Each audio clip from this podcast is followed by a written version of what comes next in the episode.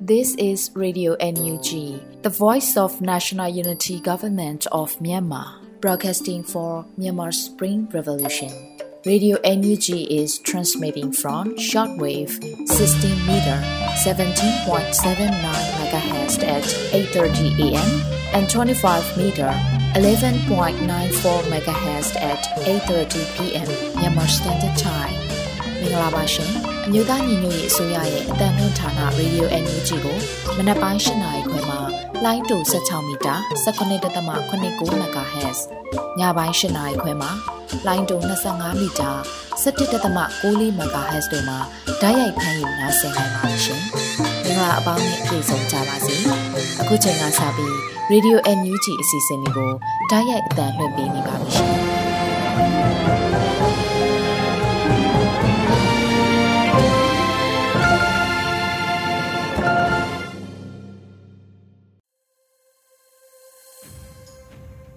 န်မာနိုင်ငံသူနိုင်ငံသားအပေါင်းတဘာဝပြီးစစ်အာဏာရှင်ဘေးတော်နေကင်းဝဲပြီးကိုစိတ်နှပါကြားမှလုံးခြုံပေးကင်းကြပါစေလို့ရေဒီယို UNG အဖွဲ့သားများကဆုတောင်းမေတ္တာပို့သလိုက်ရပါတယ်ရှင်။အခုချိန်ကစပြီးကာကွယ်ရေးဝန်ကြီးဌာန၏စစ်ရေးတရင်ချင်းချုပ်ကိုလွတ်လပ်နေကဖတ်ကြားတင်ပြပေးပါမယ်ရှင်။တော်တာရှင်များအားလုံးမင်္ဂလာပါခင်ဗျာခုချိန်ကစပြီးမြို့သားညွရေးဆိုရကာကွယ်ရေးဝန်ကြီးဌာနကထုတ်ပြန်တဲ့ နေ့စဉ်စစ်ရေးသတင်းကျဉ်းချုပ်တွေကိုတင်ပြပါတော့မယ်ကျွန်တော်ကလွတ်လပ်နေဦးပါတိုက်ပွဲများမှာအကြမ်းဖက်စစ်ကောင်စီရန်သူတပ်သား9ဦးသေဆုံးပြီး24ဦးထိခိုက်ဒဏ်ရာရရှိခဲ့တယ်လို့သတင်းရရှိပါတယ်အာနာသိန်းအကြမ်းဖက်စစ်တပ်နဲ့တိုက်ပွဲဖြစ်ပွားမှုသတင်းများမှာမန္တလေးတိုင်းမှာနိုဝင်ဘာလ9ရက်နေ့မနက်4နာရီခန့်တွင်တပိတ်ချင်းမြို့နယ်ဇရက်ကွင်းရွာအုပ်ချုပ်ရေးမှူးရုံးရှိရန်သူတပ်ရဲပြူစော်တီအင်အား30ခန့်ကိုဗိုလ်လင်းယုံတပ်ဖွဲ့ဗိုလ်မိုးကျိုးတပ်ဖွဲ့ 9PDF ဗိုလ်ကင်းတပ်ဖွဲ့ Northern Tiger Group နဲ့တောစင်ရိုင်းပျောက်ကြားတပ်ဖွဲ့တို့ပူးပေါင်း၍ drone ဖြင့်ဘုံဒီကိုလုံးချတိုက်ခိုက်ပြီးလက်နက်ကြီးလက်နက်ငယ်များဖြင့်ပစ်ခတ်ကာမိနစ်90ကြာထိတွေ့တိုက်ပွဲဖြစ်ပွားခဲ့ရာတိုက်ပွဲမှာရန်သူတပ်သား9ဦးသေဆုံးပြီး12ဦးထိခိုက်ဒဏ်ရာရရှိခဲ့ကာမိမိတို့ဘက်မှရဲဘော်တူထိခိုက်ဒဏ်ရာရရှိခဲ့ပါတယ်ခင်ဗျာပဲခူးတိုင်းမှာတော့နွေမာလာ10ရက်နေ့မနက်3နာရီခန့်တွင်ညောင်လေးပင်မြို့နယ်အင်ဝိုင်းကြေးရွာနီးညောင်လေးပင်မတောက်လမ်းပေါ်ကရေကြီးချောင်းတရာစစ်စေးရိတ်ဂိတ် မလူတဲစစ်စေးရိတ်ဂိတ်နဲ့ပစုံမြောင်းကြေးရွာထဲရှိရန်သူတပ်ဆွဲထားတဲ့နေရာများကို KNLA တပ်မဟာ3 BPLA တော်ဝင်တောင် PDF 3702 Fire Dragon အဖွဲ့များကပူးပေါင်း၍တပြိုင်နက်တည်းတိုက်ခတ်ရာတိုက်ပွဲပြီးတွင်ရေကြီးချောင်းတရာရှိရဲနှစ်ဦးသေဆုံး10ဦးခန့်ဒဏ်ရာရမလူတဲစစ်စေးရေးကိနေရာမှာရန်သူတပ်ဖွဲ့ဝင်2ဦးဒဏ်ရာအသီးသီးရရှိသွားခဲ့ပါတယ်။ပစုံမြောင်းကြေးရွာထဲသို့တိုက်ခိုက်မှုတွင်ရန်သူဘက်ကထိခိုက်သေဆုံးမသိရဘဲ တိုက်ပွဲတွင်ရန်သူပစ်သည့်လက်နက်ကြီးထိမှန်သော PDF ရဲဘော်2ဦးမစိုးရိမ်ရဒဏ်ရာရရှိခဲ့ကာမနက်9နာရီတိုက်ပွဲအပြီးတွင်ရန်သူဘက်ကညောင်လေးပင်မတောက်သွားလန်းကိုပိတ်ထားကထိခိုက်ဒေဆုံးသူများကိုလူနာရင်ရင်များဖြင့်ညောင်လေးပင်ဘက်ကိုတည်ဆောင်နေကြောင်းသိရှိရပါတယ်ခင်ဗျာဆက်လက်ပြီးအာနာသိန်းအကြမ်းဖက်စစ်တပ်ကကျူးလွန်ခဲ့တဲ့ရာဇဝတ်မှုတွေကိုတင်ပြပါမယ်ကရင်နီကရားပြည်နယ်မှာနိုဝင်ဘာလ10ရက်နေ့ည7:00နာရီခန့်တွင်လွိုင်ကော်မြို့နယ်ချီဆဲခဲရွာသို့ခလာရ930 လွိုင်လင်လေးဓာကဆလွိုင်ကော်တပ်မှလက်နက်ကြီး3လုံးပိတ်ချစ်ရွာမွေတော်ရက်ွက်ထဲသို့ပစ်ခတ်ခဲ့ပါတယ်။အဆိုပါလက်နက်ကြီးနှလုံးပစ်ခတ်ရမှာ17နှစ်အရွယ်ကလေးငယ်တူသေဆုံးခဲ့ပါတယ်။မန္တလေးတိုင်းမှာတော့နွေမာလာ10ရက်နေ့မှာမြင်းကြံမြို့နယ်မြင်းကြံမြို့အမှတ်18တိုးချစ်အမိုက်ပုံတွင်အမိုက်လာပစ်သည့်မြောက်စည်းထနောင်းပင်တန်းမှာသုံးဘိန်းသမားတူကိုနတ်ထားရွာမှာပြူစောတိငထွန်းနဲ့ပြူစောတိတူတို့ကရိုက်နှက်ထိုးကျိတ်နှိပ်စက်မှုပြုလုပ်ခဲ့တယ်လို့သိရပါတယ်ခင်ဗျာ။ ယခုတင်ပြခဲ့တဲ့သတင်းတွေကိုမြေပြင်သတင်းတာဝန်ခံတွေနဲ့ခိုင်လုံသောမိဘသတင်းရင်းမြစ်များမှအခြေခံပြုစုတင်ပြခဲ့တာဖြစ်ပါတယ်ခင်ဗျာ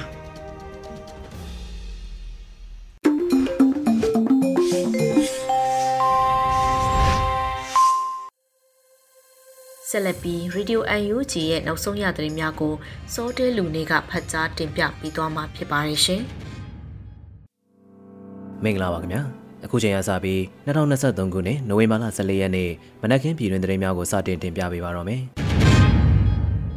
ပထမအဦးဆုံးအနေနဲ့ဂျာကာလာဒေသနာပြည်သူ့အုပ်ချုပ်ရေးဖော်ဆောင်မှုဘိုးကော်မတီနဲ့စကိုင်းတိုင်းတွင်းရှိမြို့နယ်ပြည်သူ့အုပ်ချုပ်ရေးဖွဲ့များတွေ့ဆုံဆွေးနွေးပွဲကျင်းပပြုလုပ်တဲ့သတင်းကိုတင်ပြပေးသွားပါမယ်။ အမျိုးသားညီညွတ်ရေးဆိုရာဂျာကာလာဒေသန္တရပြည်သူ့အုပ်ချုပ်ရေးဖော်ဆောင်မှုဗဟိုကော်မတီနဲ့စကိုင်းတိုင်းမြို့နယ်ပြည်သူ့အုပ်ချုပ်ရေးဖွဲ့များတွဲဆုံဆွေးနွေးပွဲအစည်းအဝေး45မြင်းဆောင်2023ကိုနိုဝင်ဘာလ23ရက်နေ့နေ့လယ်3နာရီချိန်မှာကျင်းပပြုလုပ်ခဲ့တယ်လို့သိရှိရပါတယ်။အစည်းအဝေးမှာဂျာကာလာဒေသန္တရပြည်သူ့အုပ်ချုပ်ရေးဖော်ဆောင်မှုဗဟိုကော်မတီအဖွဲ့ဝင်လုံသမားရေးရာဝန်ကြီးဌာနပြည်ထောင်စုဝန်ကြီးနိုင်ထွန်းပေကနိုင်သူဝနာမှအဖွဲ့မှစကားပြောကြားပေးခဲ့ပါတယ်။ ဆက်လက်ပြီးဝင်ကြီးဌာနများမှလုပ်ငန်းဆောင်ရွက်ချက်များနဲ့ပတ်သက်ပြီးရှင်းလင်းပြောကြားခဲ့က44မြင်းဆောင်2023မှာရှေ့လုပ်ငန်းစဉ်များနဲ့ပတ်သက်၍ဖြေကြားခဲ့ပြီးမြို့နယ်ပြည်သူ့အုပ်ချုပ်ရေးအဖွဲ့ဝင်များမှမူဝါဒလမ်းညွှန်ချက်များလုပ်ငန်းဆောင်ရွက်ချက်များမြေပြင်ခက်ခဲများနဲ့ပတ်သက်ပြီးသိရှိလိုတဲ့အချက်များကိုဆွေးနွေးခဲ့ကြရာဝင်ကြီးဌာနအသီးသီးမှတာဝန်ရှိသူများမှပြန်လည်ဖြေကြားပေးခဲ့ပါတယ်။ အဆိုပါတိတ်ဆုံပွဲကိုပြည်ထောင်စုဝန်ကြီးနိုင်ထွန်းဖေခနိုင်သူဝနာမဦးဆောင်ကအမြဲတမ်းတွင်ဝင်များတွဲဖက်အမြဲတမ်းတွင်ဝင်များဌာနဆိုင်ရာမှတာဝန်ရှိသူများစကိုင်းတိုင်းရှိမြို့နယ်ပြည်သူ့အုပ်ချုပ်ရေးအဖွဲ့များတက်ရောက်ခဲ့ကြပြီးအစည်းအဝေးကိုညနေ6နာရီချိန်မှာရပ်နားခဲ့တယ်လို့သိရှိရပါတယ်ခင်ဗျာ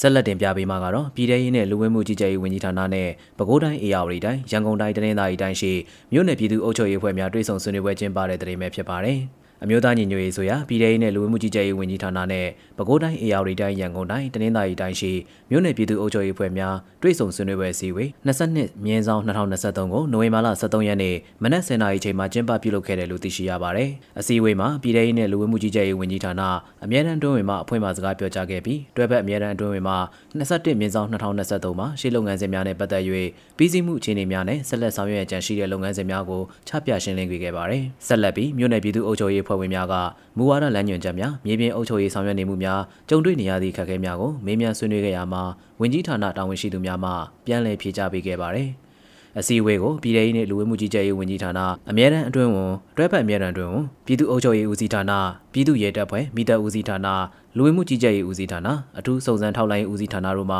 တာဝန်ရှိသူများနဲ့ပဲခူးတိုင်းအေရဝတီတိုင်းရန်ကုန်တိုင်းတနင်္သာရီတိုင်းတို့မှမြို့နယ်ပြည်သူ့အုပ်ချုပ်ရေးအဖွဲ့များတက်ရောက်ခဲ့ပြီး12:30မိနစ်မှာအစည်းအဝေးကိုအောင်မြင်စွာရန်နာခဲ့ပါရခင်ဗျာ။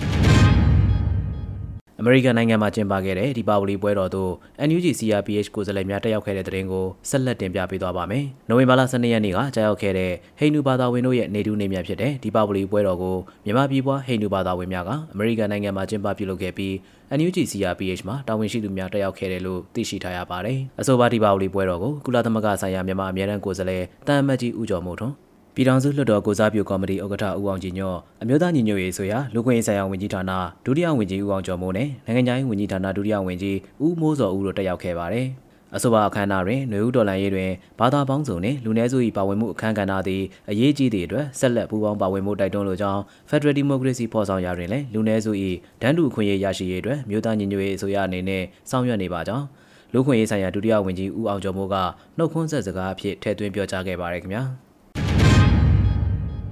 နိုင်ငံတော်တိုင်ပင်ခံပုဂ္ဂိုလ်၏နေအိမ်ချမ်းမှတ်54ရှေ့မှအလံနဲ့ဆိုင်းပုတ်များဖြုတ်ချခံရတဲ့တဲ့ရင်ကိုတင်ပြပေးသွားပါဦးမယ်။ရန်ကုန်မြို့တက္ကသိုလ်ရိပ်သာလမ်းမပေါ်ရှိနိုင်ငံတော်တိုင်ပင်ခံပုဂ္ဂိုလ်အမျိုးသားဒီမိုကရေစီဖွဲ့ချုပ်ပါတီဥက္ကဋ္ဌဒေါအောင်ဆန်းစုကြည်ရဲ့နေအိမ်ချမ်းအမှတ်54ရှေ့တွင်ချိတ်ဆက်ထားသော NLD ပါတီအလံနှင့်ဆိုင်းပုံများဖြုတ်ချခံခဲ့ရတယ်လို့နှီးဆက်သူတွေစီကသိရှိရပါတယ်။နိုဝင်ဘာလ12ရက်နေ့ည10:00နာရီခွဲလောက်မှာစစ်ကောင်စီလက်အောက်ခံဗဟန်းမြို့နယ်အထွေထွေအုပ်ချုပ်ရေးမှုဦးဆောင်တဲ့အဖွဲ့ကအကြောင်းကြားမှုတစုံတရာမရှိဘဲ နေအိမ်ချောင်ဝင်းတကားမကြီးဘေးနှစ်ဖက်မှာတက်ဆင်ထားတဲ့ဆိုင်းပုတ်တွေကိုလာရောက်ဖြုတ်ချသွားတယ်လို့အဆိုပါနှိစက်သူကပြောကြားခဲ့ပါတယ်။ဗိုလ်ချုပ်အောင်ဆန်း၏ဇနီးဖြစ်သူဒေါခင်ကြီးအမိပေါက်ပိုင်ဆိုင်ထားတဲ့အဆိုပါနေအိမ်နဲ့ခြံကွက်ကိုတာကြီးဖြစ်သူဦးအောင်ဆန်းဦးနဲ့တမီးဖြစ်သူဒေါအောင်ဆန်းစုကြည်တို့တယောက်တစ်ဝက်ပိုင်ဆိုင်ကြောင်းစစ်ကောင်စီလက်အောက်ခံပြည်ထောင်စုတရားလွှတ်တော်ရုံးချုပ်ကပြီးခဲ့တဲ့2022ခုနှစ်ဩဂတ်စ်လကဆုံးဖြတ်ထားခဲ့ပါတယ်။ အမျိုးသားညီညွတ်ရေးဆိုရာ NUG ကအဆိုပါချံအမှတ်54ကိုအမျိုးသားအဆင့်ယဉ်ကျေးမှုအမွေနေ့ဖြစ်သတ်မှတ်ထားပြီးမိသူမှာရောင်းချခြင်းပိုင်ဆိုင်ခြင်းပိုင်ဆိုင်ရန်ကြိုးစားခြင်းဖျက်ဆီးခြင်းနဲ့အခြားနည်းလမ်းအသုံးပြုခြင်းကိုတင်းကျပ်စွာတားမြစ်ကြောင်း2022ခုနှစ်စက်တင်ဘာလ2ရက်နေ့ကထုတ်ပြန်ကြေညာထားပါတယ်။စစ်ကောင်စီရွေးကောက်ပွဲကော်မရှင်က NLD ပါတီကိုဖျက်သိမ်းကြောင်းကြေညာပြီးနောက်အခုလိုပါတီအလံနဲ့ဆိုင်းပုတ်တွေကိုဖြုတ်ချဖို့စစ်တပ်အာဏာပိုင်တွေဘက်ကဖိအားပေးနေတာတွေရှိတယ်လို့ပါတီနဲ့နှီးစပ်သူတွေကပြောဆိုနေကြပါတယ်။ အဆိုပါချမ်းမှတ်54ဟာဒေါအောင်ဆန်းစုကြည်နေအိမ်ကျဲကျုပ်ကြစဉ်ကနေထိုင်ခဲ့ပြီးကုလသမဂ္ဂအထွေထွေမှုချုပ်ဟောင်းမစ္စတာဘန်ကီမောအမေရိကန်သမ္မတဟောင်းဘာရက်အိုဘားမားနဲ့အမေရိကန်နိုင်ငံသားရေးဝန်ကြီးဟောင်းဟီလာရီကလင်တန်အပါအဝင်ကမ္ဘာခေါင်းဆောင်များလာရောက်ခဲ့ပူပြီးမြန်မာဒီမိုကရေစီရေးအတွက်အရေးပါတဲ့သမိုင်းဝင်နေရာတစ်ခုဖြစ်ပါတယ်ခင်ဗျာဆက်လက်တင်ပြပေးမှာကတော့လွိုင်းကော်မျိုးသိန်းတိုက်ပွဲဆင်နွှဲရန်ရှိသဖြင့်ပြည်သူများဘေးလွတ်ရာပြောင်းရွှေ့နေထိုင်ကြရန် KNDF ဥက္ကဋ္ဌကွန်ပျူတာသတိပေးလိုက်တဲ့သတင်းကိုတင်ပြပေးသွားပါဦးမယ်။ ကရင်ပြည်နယ်ရဲ့မြို့တော်လွိုင်ကော်မြို့ကိုမြို့သိမ်းတိုက်ပွဲဆင်နွှဲဖို့ရှိတာကြောင့်မိဘပြည်သူတွေအနေနဲ့ဘေးလွတ်ရာတွေမှာယာယီရွှေ့ပြောင်းနေထိုင်ကြဖို့ကရင်မျိုးသားများကာကွယ်ရေးတပ် KNDF ဥက္ကဋ္ဌခွန်ပီတူကနိုဝင်ဘာလ23ရက်နေ့မှာပြည်သူများထံသို့သတင်းစကားပြောကြားခဲ့ပါတယ်။အခုလိုမျိုးသိမ်းတိုက်ပွဲတွေကပျက်စီးနစ်နာမှုများနိုင်တယ်ဆိုတာသိထားပေမဲ့အာဏာရှင်စနစ်အမြင့်တွေမှာကိုပိုကြောက်မိတဲ့အတွက်အခုလိုစစ်စင်ရေးကိုအားလုံးကချမှတ်လိုက်တာဖြစ်တယ်လို့အသိပေးထားပါတယ်။လက်ရှိချိန်တွေမှာတနိုင်ငံလုံးက Federal Democracy ရေးအတွက်တိုက်ပွဲများဆင်နွှဲတိုက်ခိုက်နေကြပါတယ်။က ရင်ပြည်နယ်မှာအာဏာရှင်ဖြုတ်ချရေးနဲ့ကိုပိုင်ပြဋ္ဌာန်းခွင့်တည်ဆောက်ရေးဖော်ဆောင်နိုင်ဖို့ဆိုရင်လွိုင်းကော်မြို့ကစစ်ကောင်စီအုပ်ချုပ်ရေးကိုဖြိုချရပါမယ်လို့ခွန်ပီတူကပြောကြားခဲ့ပါတယ်။ဒါကြောင့်ပြည်သူပြည်သားများအနေနဲ့ဘေးလွတ်ကင်းရကိုယာယီရွှေ့ပြောင်းနေထိုင်ကြဖို့လဲကွန်ပီတူကတောင်းဆိုထားတာဖြစ်ပါတယ်။ကျွန်တော်တို့များမကြမီမှာလွတ်လပ်ပွင့်လင်းပြီးစီကားတိုးတက်သောလွိုင်းကော်မြို့တော်အဖြစ်ပြန်လည်အသက်သွင်းကြရအောင်လို့တိုက်တွန်းပြောကြားလိုပါတယ်ဆိုပြီး KNDF ဥက္ကဋ္ဌကပြည်သူလူထုကိုသတင်းစကားပါထားပါတယ်။ အကြံဖက်စစ်ကောင်စီလက်အောက်ကတပ်ဖွဲ့ဝင်တွေအနေနဲ့နီးစပ်ရာဒေါ်လာရေးအဖွဲ့တွေထံမှလက်နက်ချအလင်းဝင်ကြဖို့ကရင်နီဒေါ်လာရေးတပ်ပေါင်းစု KNDF ကနိုဝင်ဘာလ23ရက်နေ့မှာပဲအသိပေးထုတ်ပြန်ထားတာရှိပါတယ်ခင်ဗျာ ဆက်လက်တင်ပြပေးမှာကတော့စစ်ကောင်စီလက်အောက်ခံများလက်နက်ချအလင်းဝင်ရန်ကရင်နီတော်လှန်ရေးတပ်ပေါင်းစုအသိပေးလိုက်တဲ့သတင်းပဲဖြစ်ပါတယ်။အကြံဖက်စစ်ကောင်စီလက်အောက်ကတပ်ဖွဲ့ဝင်တွေအနေနဲ့နီးစပ်ရာတော်လှန်ရေးတပ်ဖွဲ့တွေထံမှလက်နက်ချအလင်းဝင်ကြဖို့ကရင်နီတော်လှန်ရေးတပ်ပေါင်းစုကအသိပေးထုတ်ပြန်ထားပါတယ်။စစ်တုံးပန်း၏မိသားစုဝင်များနဲ့ကြန့်ရှိနေသောစစ်ကောင်စီတပ်ဖွဲ့ဝင်များသိရှိစေရန်အသိပေးထုတ်ပြန်ရမှာဖမ်းဆီးခံထားရတဲ့ ဗိုလ်မှူးအဆင့်ရှိစစ်ဗိုလ်နဲ့အခြားအဆင့်တယောက်ရဲ့ရုပ်သံနဲ့တကွထုတ်ပြန်လိုက်တာပါ။ကရင်နီတော်လှန်ရေးတပ်ပေါင်းစုအနေနဲ့ဖမ်းဆီးရမိထားတဲ့စစ်တုံးပန်းတွေကိုနိုင်ငံတကာစစ်တုံးပန်းဥပဒေနဲ့အညီထိန်းသိမ်းထားတယ်ဆိုတဲ့အကြောင်းကိုလည်း KNDF ကအသိပေးထားပါတယ်။အကြမ်းဖက်စစ်ကောင်စီလက်အောက်မှာအကြမ်းရှိနေတဲ့တပ်ဖွဲ့ဝင်တွေအနေနဲ့လက်နက်ချပူးပေါင်းပါဝင်လာမယ်ဆိုရင်စစ်တုံးမှန်မူဝါဒအတိုင်းအပြည့်အဝခံစားရမှာဖြစ်တယ်လို့ထုတ်ပြန်ချက်မှာဖော်ပြထားပါတယ်။ ပူပေါင်းပါဝင်ခြင်းမရှိဘဲဆက်လက်ခုခံနေမယ်ဆိုရင်ပြင်းထန်တဲ့အရေးယူမှုတွေဆောင်ရွက်သွားမယ်လို့ KNI မျိုးသားများကာကွယ်ရေးတပ် KNDF ဗဟိုသတင်းနဲ့ပြန်ကြားရေးကအသိပေးထုတ်ပြန်ထားပါတယ်ခင်ဗျာ။ကွမ်းလုံမျိုးသိန်းတိုက်ပွဲမှာ KNDF ရဲဘော်ကြဆုံးခဲ့တဲ့တဲ့ရင်ကိုဆက်လက်တင်ပြပေးသွားပါဦးမယ်။ရှမ်းမြောက်ဒေသကွမ်းလုံမြို့မြို့သိမ်းတိုက်ပွဲမှာမြောက်ပိုင်းစစ်ဒေသအခြေဆိုင်အမှတ်606တပ်ရင်းကရဲဘော်3ဦးကြာဆုံးခဲ့တယ်လို့ကရင်နီမျိုးသားများကာကွယ်ရေးတပ် KNDF ကအသိပေးထုတ်ပြန်ထားပါတယ်။ညီနောင်မဟာမိတ်၃ဘွဲဖြစ်တဲ့ MNDA တအောင်းတပ်မတော်နဲ့ရခိုင်တပ်မတော် AA တို့ဦးဆောင်ပြီးရှမ်းပြည်နယ်မြောက်ပိုင်းမှာဆောင်ရွက်နေတဲ့တစ်တုံညာနှစ်ခွန်စစ်စင်ရေးရဲ့အစိပ်ပိုင်းတစ်ခုဖြစ်တဲ့ကွမ်းလုံမြို့အားအပိသက်သိမ်းယူနိုင်ခဲ့တဲ့စစ်စင်ရေးမှာ KNDF ရဲ့မြောက်ပိုင်းစစ်ဒေသအခြေဆိုင်အမှတ်606တပ်ရင်းကလည်းပူးပေါင်းပါဝင်တိုက်ခိုက်နေတာဖြစ်ပါတယ်။ကွမ်းလုံမြို့သိမ်းတိုက်ပွဲတွင်မြောက်ပိုင်းစစ်ဒေသအခြေဆိုင်အမှတ်606တပ်ရင်းကမဟာမိတ်တပ်တွေနဲ့အတူစစ်ကောင်စီစခန်းတွေကိုတိုက်ခိုက်သိမ်းပိုက်ရာမှာတပ်စုမှုပေးတာတပ်စိတ်မှုမာနွေးလယ်နဲ့တက်ချက်ကြီးစတီဗန်ဒီဇိုင်းတို့တိုင်းပြည်နယ်လူမျိုးတပ်မြင့်မြတ်စွာကြဆုံးခဲ့တာဖြစ်တယ်လို့သိရှိရပါတယ်။ ကြဆုံးသွားတဲ့ရဲဘော်တွေကိုလေးနက်စွာအလေးပြုရင်အမျိုးသားအာဇာနည်သူရဲကောင်းတွေအဖြစ် KNDF ကတမိုင်းမှတ်တမ်းတင်တော်မှာဖြစ်တယ်လို့အသိပေးထားပါတယ်။ကင်းနီမျိုးသားများကာကွယ်ရေးတပ် KNDF အနေနဲ့ညီနောင်မဟာမိတ်သုံးဘွဲ့ရဲ့တစ်တုံညာနှစ်ခွန်စစ်စင်ရေးမှာနိုင်စဉ်တိုက်ပွဲဝင်နေပြီးစစ်ရေးရည်မှန်းချက်တွေပြီးမြောက်တဲ့အထိဆက်လက်ပူးပေါင်းတိုက်ပွဲဝင်သွားမယ်လို့ထုတ်ပြန်ထားပါတယ်ခင်ဗျာကြောက်တော်ပေါ့ဝရဲစခန်းကို AA ကသိမ်းပိုက်ပြီးစခန်းမှုထွက်ပြေးလွတ်မြောက်နေတဲ့တဲ့ရင်ကိုတင်ပြပေးသွားပါမယ်။ ကြောက်တော်မြို့နယ်မှာရှိတဲ့ပေါ့ဝနယ်မြေရဲစခန်းကိုရခိုင်တပ်မတော် AA ကနိုဝင်ဘာလ23ရက်နေ့မနက်ပိုင်းမှာသိမ်းပိုက်နိုင်ခဲ့ပေမဲ့စခန်းမှုထွက်ပြေးလွတ်မြောက်သွားတယ်လို့ဒေတာတွင်သတင်းအရင်းမြစ်တွေကတစင်သိရှိရပါတယ်။ ရခိုင်တပ်မတော် AA ကလက်နက်ချအညံ့ခံဖို့အကြောင်းကြားပြီးတဲ့နောက်အပောက်ဝနယ်မြေရဲစခန်းမှာရှိတဲ့တပ်ဖွဲ့ဝင်အားလုံးအလင်းဝင်လာခဲ့တာဖြစ်တယ်လို့မျက်မြင်တွေ့ရှိသူတွေရဲ့ပြောကြားချက်ကိုကိုးကားပြီးရခိုင်ဒေသသတင်းတွေကိုဖော်ပြနေတယ် Western News ကဖော်ပြထားခဲ့ပါတယ်။အပောက်ဝနယ်မြေရဲစခန်းကတပ်ဖွဲ့ဝင်အားလုံးကိုရခိုင်တပ်မတော် AA ကခေါ်ယူသွားပြီးလက်နက်ခဲယမ်းတွေနဲ့ယူနီဖောင်းတွေကိုလည်းတင်ဆက်သွားတယ်လို့သိရှိရပါတယ်။အပောက်ဝနယ်မြေရဲစခန်းကတပ်ဖွဲ့ဝင်များလက်နက်ချအလင်းဝင်လိုက်တာကြောင့်အပောက်ဝကျေးရွာမှာတိုက်ပွဲဖြစ်ခဲ့ခြင်းမရှိဘဲတည်တည်ငြိမ်ငြိမ်ရှိနေပြီးတွာလာလှုပ်ရှားမှုတွေကလည်းပုံမှန်တိုင်းပဲရှိနေတယ်လို့သိရှိရပါတယ်။ရသိတောင်နဲ့မင်းပြမြို့နယ်မှာနိုဝင်ဘာလ23ရက်နေ့မနက်9:00နာရီကစပြီးစစ်ကောင်စီတပ်တွေနဲ့ရခိုင်တပ်မတော် AA တို့ကြားတိုက်ပွဲတွေဖြစ်နေခဲ့ပြီးချိန်ခါလီနေကြားဆောင်စခန်းနဲ့ဒုံးပိုက်နေကြားဆောင်စခန်းကို AA ကတိုက်ခိုက်သိမ်းပိုက်ထားတယ်လို့ဒေသခံတွေကပြောဆိုနေတာလည်းရှိပါတယ်။ရခိုင်ပြည်နယ်မှာတိုက်ပွဲတွေပြန်ဖြစ်လာတာနဲ့အတူအကြမ်းဖက်စစ်တပ်ကရခိုင်ပြည်နယ်အတွင်းရေလံကုန်းလန်အားလုံးကိုပိတ်ထားလိုက်တဲ့အတွက်ခီးသားပြည်သူတွေအခက်အခဲနဲ့ရင်ဆိုင်နေရတယ်လို့သိရှိရပါတယ်ခင်ဗျာ။ ငါတို့လုံကြီးအောင်ပွဲလှုပ်ရှားမှုမြန်မာနိုင်ငံအပါအဝင်ကမ္ဘာနိုင်ငံအချို့မှာတပြိုင်နက်တည်းပြုလုပ်တဲ့သတင်းကိုတင်ပြပေးသွားပါအောင်မယ်။ငါတို့လုံကြီးအောင်ပွဲလှုပ်ရှားမှုကိုမြန်မာနိုင်ငံအပါအဝင်ကမ္ဘာနိုင်ငံအချို့မှာတပြိုင်နက်တည်းပြုလုပ်ခဲ့တယ်လို့ရန်ကုန် Revolution Force ကထုတ်ပြန်ထားပါတယ်။နိုဝင်ဘာလ23ရက်နေ့ကမြန်မာနိုင်ငံအပါအဝင်ကမ္ဘာနိုင်ငံအချို့ဖြစ်တဲ့ Australia, Ukraine, New York နဲ့ချက်သမရနိုင်ငံတွေမှာတပြိုင်တည်းပြုလုပ်ခဲ့တာလို့သိရှိရပါတယ်။မနစ်ကဒီလိုနေ့မျိုးမှာလည်းလုံခြုံရေးတင်းကျပ်ထားတဲ့ကြားကနေရန်ကုန်မြို့မှာ YRF ဆိုတဲ့တော်လိုင်းအင်အားစုက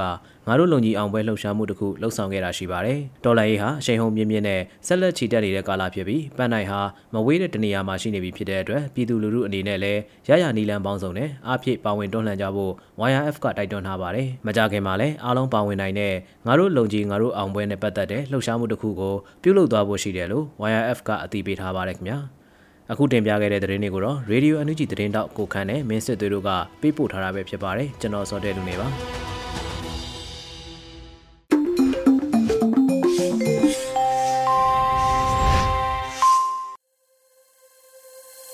ရေဒီယို UNG မှာဆက်လက်တန်လှည့်နေပါတယ်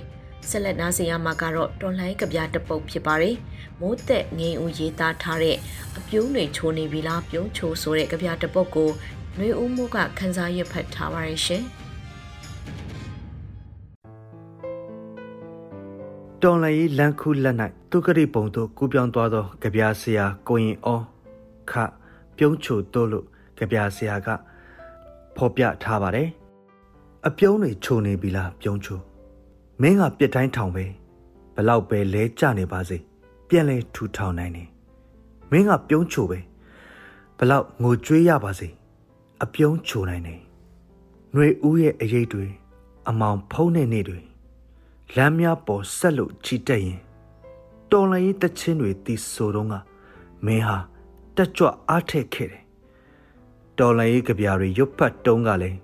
မင်းဟာ ရဲရင်ဖြက်လက်ခဲ့တယ်တော်လရေးအတွက်လက်နက်ကင်တိုက်ပွဲဝင်ပြန်တော့မင်းကရှေ့ဆောင်ဥရွက်ပြုတ်ခဲ့တာပဲတော်ရင်တနေရာချောင်းနှစ်ဘေးမှာ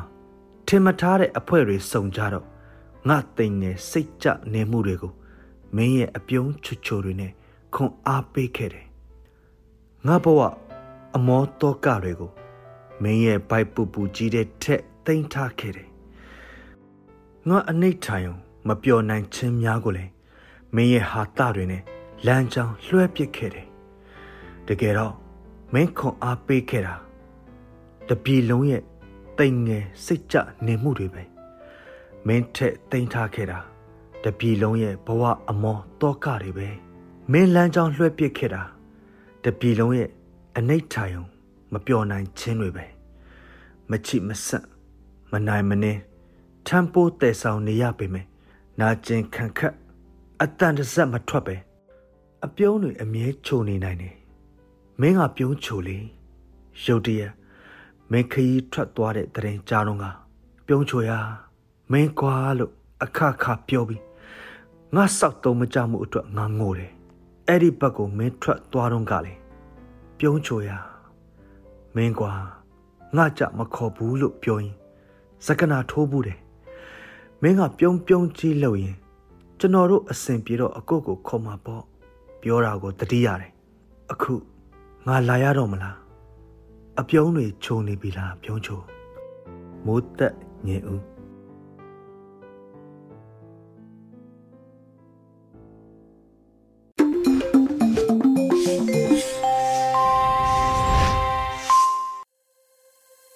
ဆက်လက်ပြီး PVTV ရဲ့နေ့စဉ်သတင်းများကိုနေချီကဖတ်ကြားတင်ပြပေးပါမယ်ရှင်။ခုချိန်ကစပြီး PVTV သတင်းတွေကိုတင်ဆက်ပေးတော့မှာပါ။ကျွန်မနေကြပါရှင်။ပထမဆုံးတင်ဆက်ပေးမယ့်သတင်းကတော့ဂျာကာလာဒေသနာပြည်သူ့အုပ်ချုပ်ရေးဖော်ဆောင်မှုဗဟိုကော်မတီနဲ့မြို့နယ်ပြည်သူ့အုပ်ချုပ်ရေးအဖွဲ့များတွေ့ဆုံဆွေးနွေးတဲ့သတင်းမှာ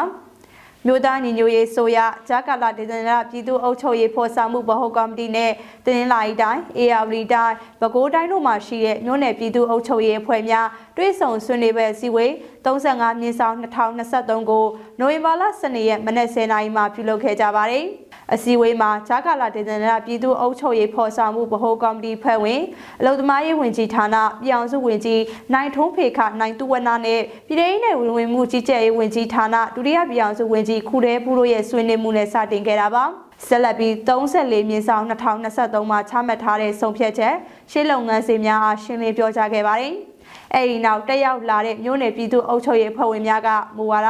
လမ်းညွှန်ချက်များလုပ်ငန်းဆောင်ရွက်ချက်များမြေပြင်ခက်ခဲများနဲ့ပတ်သက်လို့သိရှိလိုတာများကိုဆွေးနွေးခဲ့ကြရာဝေကြီးဌာနတည်တည်ရဲ့တာဝန်ရှိသူတွေကပြန်လည်ဖြေကြားဆောင်ရွက်ခဲ့ပါတယ်။အဆိုပါတွေ့ဆုံပွဲသို့ပြည်အောင်စုဝင်ကြီးများဒုတိယပြည်အောင်စုဝင်ကြီးများအမြဲတမ်းတွင်ဝင်များတွဲဖက်အတွင်ဝင်များဌာနဆိုင်ရာများမှတာဝန်ရှိသူများနဲ့တင်းလာရီတိုင်း AR တိုင်းပဲခူးတိုင်းတို့မှာရှိတဲ့မြို့နယ်ပြည်သူ့အုပ်ချုပ်ရေးအဖွဲ့များတက်ရောက်ခဲ့ကြတယ်လို့ပြည်ထောင်စုလူမှုကြီးကြပ်ရေးဝန်ကြီးဌာနကသတင်းထုတ်ပြန်ထားပါတယ်။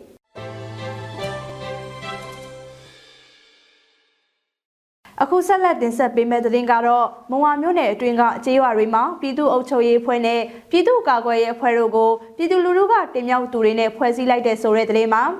မုံဝါမြို့နယ်တိုက်နယ်တစ်ခုအတွင်းကကြေးရွာတွေမှာ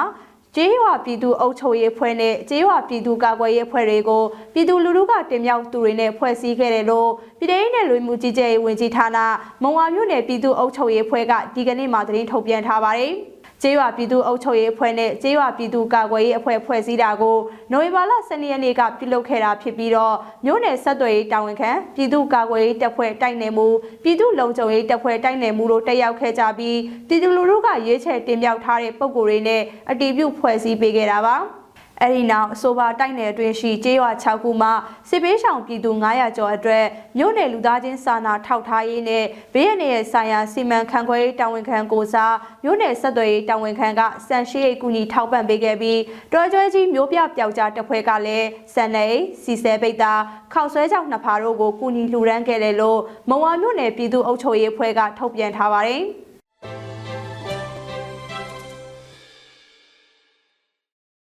ဆက်လက်တင်ဆက်ပေးမှာကတော့ကရင်ဒီပြည်မှာတလေးလုံး operation ဖြစ်တဲ့ကရင်ဒီတပ်ပေါင်းစုတွေကစစ်စင်ရေးကိုအောင်မြင်စွာစတင်နိုင်ခဲ့တယ်လို့ပူးတွဲကြီးညာချက်ထုတ်ပြန်လိုက်တဲ့သတင်းပါ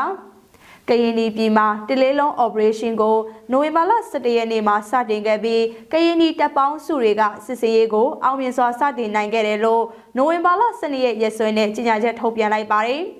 ထုတ်ပြန်ချက်ထဲမှာတော်လိုင်းတပ်ဖွဲ့များဖြစ်ကြတဲ့ KA, KMDF DMO Local PDF မြို့ပြတော်လှန်ရေးတပ်ဦး URF အလဲပိုင်းရှမ်းတောင်စစ်ဒေသခွဲ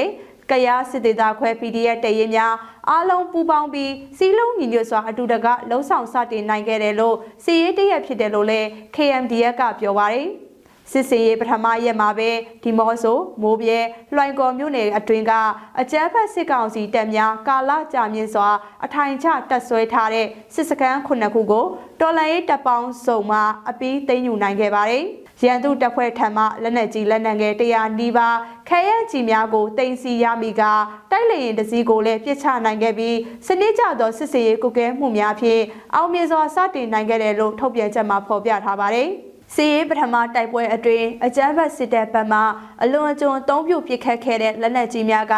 လူနေအိမ်များအနီးသို့ကြားရောက်ပောက်ကွဲခဲ့ပြီးရဲသားပြည်သူထိခိုက်ဒေဆုံးမှုများရှိခဲ့တဲ့အတွက်တော်လှန်ရေးတပ်ပေါင်းစုမှရဲဘော်များအနေနဲ့စိတ်မကောင်းဖြစ်ရတယ်လို့ထုတ်ပြန်ချက်မှာဖော်ပြထားပါတယ်။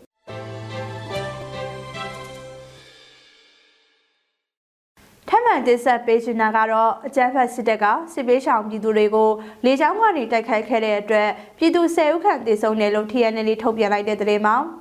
ရှမ်းပြည်နယ်မြောက်ပိုင်းတိုက်ပွဲတွေမှာမရှုမလရှုံးနေနေတဲ့အကြမ်းဖက်စစ်တပ်ကလောင်ကိုင်းမျိုးကထွက်လာတဲ့စစ်ပေးရှောင်ပြည်သူတွေကိုလေကြောင်းကနေတိုက်ခိုက်ခဲ့တဲ့အတွက်ပြည်သူ၁၀ဦးခန့်သေဆုံးခဲ့ရတယ်လို့ TNL ကဒီကနေ့မနေ့မှသတင်းထုတ်ပြန်ထားပါတယ်။ အကြမ်းဖက်စစ်တပ်ကလောင်ကိုင်မြို့မှရှီရင်ကြည်ကျေးရွာကြားတာရွှေကံမနေရာမှာစစ်ဘေးရှောင်ဖို့ရောက်လာကြတဲ့အပြစ်မဲ့အရက်သားပြည်သူတွေကိုရည်ရွယ်ချက်ရှိရှိနဲ့လေကြောင်းကနေတိုက်ခိုက်မှုတွေပြုလုပ်ခဲ့တဲ့အတွက်ရက်သား10ဦးခန့်တေဆုံးခဲ့တယ်လို့ TNN ကပြောပါတယ်လူသားမျိုးနယ်စုပေါ်ကျူးလွန်တဲ့ပြည်မှုကျူးလွန်ခြင်းဟာရုံးမာသောစစ်ကောင်စီနောက်ထပ်ကျူးလွန်သည့်ဆေးရဇဝေမှုတစ်ခုဖြစ်တယ်လို့ TNN ကပြောပါတယ်။ ဒါအပြင်နိုဝင်ဘာလ12ရက်နေ့မှာပဲအကြမ်းဖက်စစ်တပ်ကတအောင်းပြည်နယ်အတွင်းကတိုက်ပွဲဖြစ်ပွားခြင်းမရှိဘဲနေရာတွေကိုလက်နက်ကြီးနဲ့ပစ်တာလေကြောင်းတိုက်ခိုက်မှုတွေပြုလုပ်တဲ့အပြင်ရှော့ကတ်ထုံးကြီးတွေနဲ့လည်းပစ်ခတ်တိုက်ခိုက်မှုတွေပြုလုပ်ခဲ့ပါသေးတယ်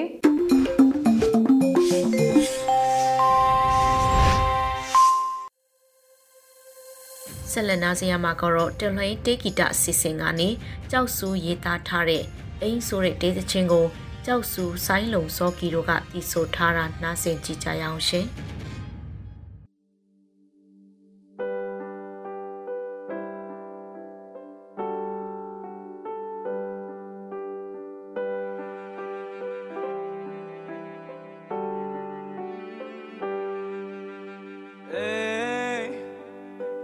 ငါလွမ်းနေတဲ့ပြန်မရောက်နိုင်သေးတဲ့ င်မျိုးသိလွှမ်းနေမိသားစုနဲ့ကြည်နူခဲ့ရသောအိမ်ပျော်ရွှင်ခဲ့ရသောအိမ်အိမ်ပြန်ခြင်းမိတယ် Can I မလား